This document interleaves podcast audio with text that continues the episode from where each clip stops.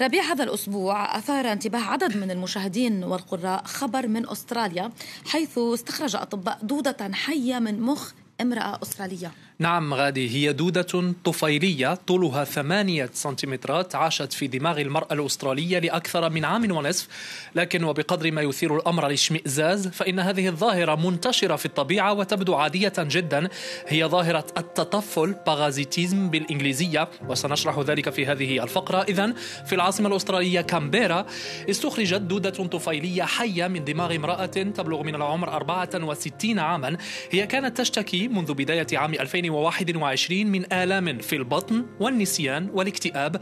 بعد مسار طويل من التشخيص والعلاج رصد الأطباء شيئا غريبا مجهولا في مخ المريضة ليقرروا صيف 2022 إجراء عملية جراحية لمعرفة المزيد. كم كانت دهشتهم كبيرة عندما وجدوا بداخل دماغ المرأة على تلك الدودة الحية التي كانت تتلوى طولها ثمانية سنتيمترات وسمكها مليمتر واحد. حالة المرأة تحسنت بعد اقتلاع الدودة دودة أظهرت التحاليل أنها يرقة من فصيلة أوفيديس كاريس روبرتسي وهي بحسب الباحثين طفيلية تعيش عادة لدى نوع من الثعابين في أستراليا أي أنها تعتمد على الثعابين للعيش والتكاثر إذ أن اليرقة تبيض في جسم الثعبان الذي يطرحها يطرح بيضها في فضلاته قبل أن تقتات عليها حيوانات أخرى ثدييات صغيرة كالفئران مثلا مثلا المرأة الأسترالية أصيبت بالعدوى عن طريق نباتات صالحة للأكل كانت أصيبت بهذه العدوى. ربيع وهل هي المرة الأولى التي نشهد فيها إصابة الإنسان بطفيليات حية؟ من هذا النوع بالذات آه، نعم غادي هي المرة الأولى لكن أن يصاب الإنسان بأنواع أخرى من الطفيليات الحية هذا عادي جدا في الحقيقة المجلات العلمية زاخرة بأمثلة أكثر إدهاشا مما أثير هذا الأسبوع مجلة BMC Infectious Diseases نشرت دراسة العام الماضي عن قصة شاب مريض في الصين كان يعاني من عديد المشاكل العصبية لقد تعافى بعدما استخرجت من دماغه دودة بطول 12 سنتيمترا 12 سنتيمترا إذا دودة عاشت داخله لمدة 17 عاما منذ أن كان طفلا. حينها كان يلعب في حقول الرز وكان يشرب من ماء يحتوي على حيوانات مجهرية تسمى سيكلوب. تحمل بدورها طفيليات أدت إلى تطور الدودة الطفيلية داخل جسم الشاب الصيني. هنا أيضا دورة حياة الطفيلي جد معقدة. كل هذا يذكرنا غادي بأخطر طفيلي يودي بحياة الإنسان منذ قرون وقرون وهو الطفيلي المتسبب بداء الملاريا. 400 ألف قتيل بسبب الملاريا سنويا. والمصدر المصدر طفيلي ينتشر أساسا عبر لسعات البعوض كما هو معروف البعوض الذي يحمل الطفيلي بداخله وينقله للإنسان عبر الدم في دورة حياة معقدة أيضا. هناك قرابة 100 نوع من طفيليات الملاريا. 100 نوع خمسة منها فقط تؤدي إلى المرض عند الإنسان غادي. ربيعة منذ بداية الفقرة تتحدث عن الطفيليات. كيف يمكن لنا تمييزها عن باقي الكائنات الحية؟ ببساطة غادية الطفيلي يتطفل على جسم كائن حي آخر ليمص يمصه مصا يعني أن الطفيلي لا يقدر أن يعيش لوحده. عليه أن يقتات ويتكاثر على حساب كائن آخر يعيله داخل جسمه. وفي غالب الأحيان يكون ذلك على حساب أكثر من عائل واحد ودون أن يستفيد العائل من ذلك. باختصار هي علاقة بين كائن متطفل يستغل كائنا آخر الأول المتطفل رابح والثاني الثاني العائل خاسر. خسارته قد تكون انزعاجا فيزيولوجيا كالحكة مثلا. خسارته قد تكون مرضا عضالا ينهكه ويستمر لحياة كاملة. وخسارته قد تصل إلى حد الموت كما شاهدنا مع الملاريا. وإن كنا نظن أن ظاهرة التطفل باغازيتيزم هي استثناء في الطبيعة غادي فإننا مخطئون. نصف الكائنات الحية في العالم هي كائنات متطفلة نصف الكائنات الحية متطفلة من كل الأحجام والأنواع على مدار ملايين السنين طورت الطفيليات استراتيجيات جد معقدة وجد شريرة إذا صح التعبير لاستغلال كائنات أخرى طيب ربيع استراتيجيات آه، يعني مثل ماذا؟ الأمثلة كثيرة وكثيرة غادي لن يسعنا التطرق إلا لبعض منها. لنرى مثلا آه، ما يفعله الزنبار الطفيلي.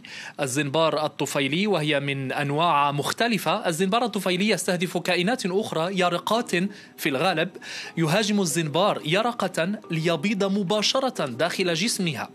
البيض يتطور داخل اليرقة الحية ويغير من سلوكها. اليرقة تدخل في حالة غريبة تبقى ساكنة ولا تقتات. في الحقيقة بيضة الزنبار تأكل اليرقة تدريجيا من داخلها حتى تتحول بدورها إلى يرقة تخرج من جسم عائلها. تتطور بعد ذلك لمدة أسبوعين إلى أن تصبح زنبارا طفيليا جديدا يبحث بدوره على يرقة ليهاجمها ويبيض فيها. وهكذا دواليك. هذه الظاهرة التي يمكن وصفها بالشريرة حيرت العلماء منذ قرون. وأبرزهم تشارلز داروين أبو نظرية التطور الذي راسل أحد أصدقائه آه، عام 1860 قائلا تشارلز داروين كان يقول لا أستطيع أن أقنع نفسي بعطف إله قدير مسؤول عن خلق فصيلة من الزنبار الطفيلي مع نية صريحة لجعلها تنمو داخل الأجسام الحية لليرقات. أن يتحكم الطفيلي في سلوك وتصرفات الكائن الذي تطفل عليه غادي هي ظاهرة منتشرة كثيرا. فعدد من الطفيليات تستهدف النمل. مثلا ما إن تصيب نملة نملة وتسكن جسمها حتى تغير من سلوكها وتصرفاتها لتجعلها تخدم الطفيلي إلى حين الوصول إلى هدفه إما بالتكاثر أو الانتقال إلى عائل آخر. وهناك دراسات عديدة أشارت إلى أن بعض الطفيليات تتسبب في إطالة عمر النمل. الذي تصيبه أربعة إلى خمس مرات. الهدف هو الاستفادة لأكثر وقت ممكن من رغد العيش داخل جسم النمل. بل وأكثر من ذلك النملة المصابة بطفيلي معين تبعث بروائح وهرمونات تدفع بالنمل الآخر من رفاقها غير المصابين تدفع بهم إلى جلب المأكل والمشرب لها. وكأنها ملكة النمل في الخلية استراتيجيات جد معقدة وجد ذكية كما تشاهدين غادي تثير فعلا الدهشة والتساؤلات حول الطبيعة وأسرارها. بالفعل ربيع. ولقد وصفت تلك الاستراتيجيات بشريرة. هل فك الباحثون لغز سبب ظهورها؟ هي استراتيجيات شريرة بمنظورنا نحن م. بمنظورنا الأخلاقي م. فالتشابه مع قصص إنسانية يتبادر إلى أذهاننا لكن في الطبيعة وفي الدراسات العلمية لا يمكن نعت ظاهرة أو أخرى بالشريرة أو الخيرة لكل شيء لكل كائن حي مكانه ضمن توازن آه، بني على مدار ملايين السنين وذلك حال الطفيليات غادي الباحثون يؤكدون أنه من دون الطفيليات لم تكن للحياة على سطح الأرض أن تكون على شكلها الحالي. من دون الطفيليات ربما لن نكون هنا كبشر للحديث عنها. كيف ذلك؟ عندما تهاجم الطفيليات كائنا آخر هذا الأخير يحاول الدفاع عن نفسه عبر جهازه المناعي ليفشل استراتيجية الطفيلي. ما إن يجد الكائن المهاجم الحل لإفشال الهجوم حتى يبدأ الطفيلي بدوره بتطوير استراتيجية جديدة لإبطال دفاع الكائن المهاجم. وهكذا دواليك جيلا بعد جيل إنها ظاهرة التطور ببساطة. الطفيليات محرك ومحفز مهم لتسريع وتيرة التطور عبر الأزمنة. لذا يقول الباحثون إن إن دورها كبير وكبير جدا في التوازنات التي أفرزت عالمنا اليوم. غادي. ربيع شكرا لك على كل هذه المعلومات. شكرا.